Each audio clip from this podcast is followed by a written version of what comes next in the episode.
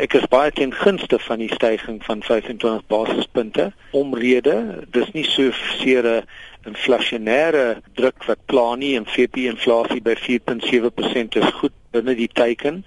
Maar ek dink daar is ander wanbalanse in die ekonomie wat geadresseer moet word. Hoë huishoudelike skuld wat ek dink nog met die skuld tot besteedbare inkomste verhouding moet afkom. 'n Lae besparingskoers wat ek dink moet aangemoedig word met hoër rentekoerse en dan 'n vernouing van daai lopende rekening tekort van die land. So daai wanbalans is nou nie direkte inflasie verwant nie, maar dit kan groot onstabiliteit skep op 'n latere stadium indien dit nie geadresseer word nie. So ek is baie ten gunste van hierdie geleidelike stygings in rentekoerse. Wat sou die nadele wees van 'n rentekoers wat laag bly? Dit kan daartoe lei dat die land bokant sy vermoë leef. So, ons het vir 'n hele aantal jaar lopende rekening tekort gehad en dit beteken dat jou bruto binnelandse besteding bokant jou nasionale inkomste is. Dit beteken 'n mens moet buitelandse kapitaalvloeye lok om daai tekort te finansier. En op die ou end so jy loop buitelandse skuldverpligtinge op en baie belê in die aandelemark en ander, maar jy loop sekere verpligtinge op teen buitelandse verskaffers van daai kapitaal. En op die ou en draak hulle bekommerd dat gaan jy al hierdie verpligtinge kan op 'n latere stadium nakom. En as dit gebeur, hulle verloor vertroue, die kapitaalvloei kom nie meer nie.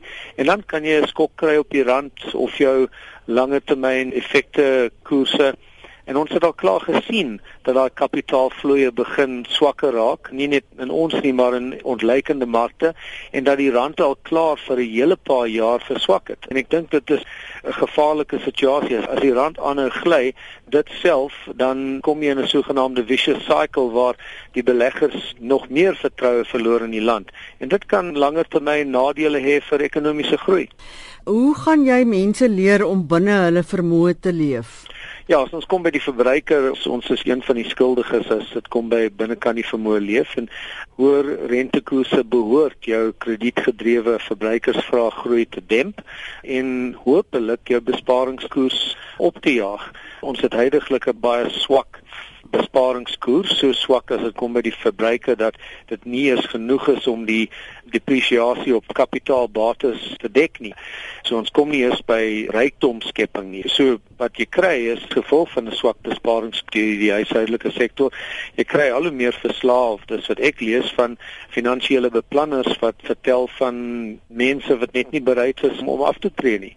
En dit kan net op die ou en op meer pyn speel.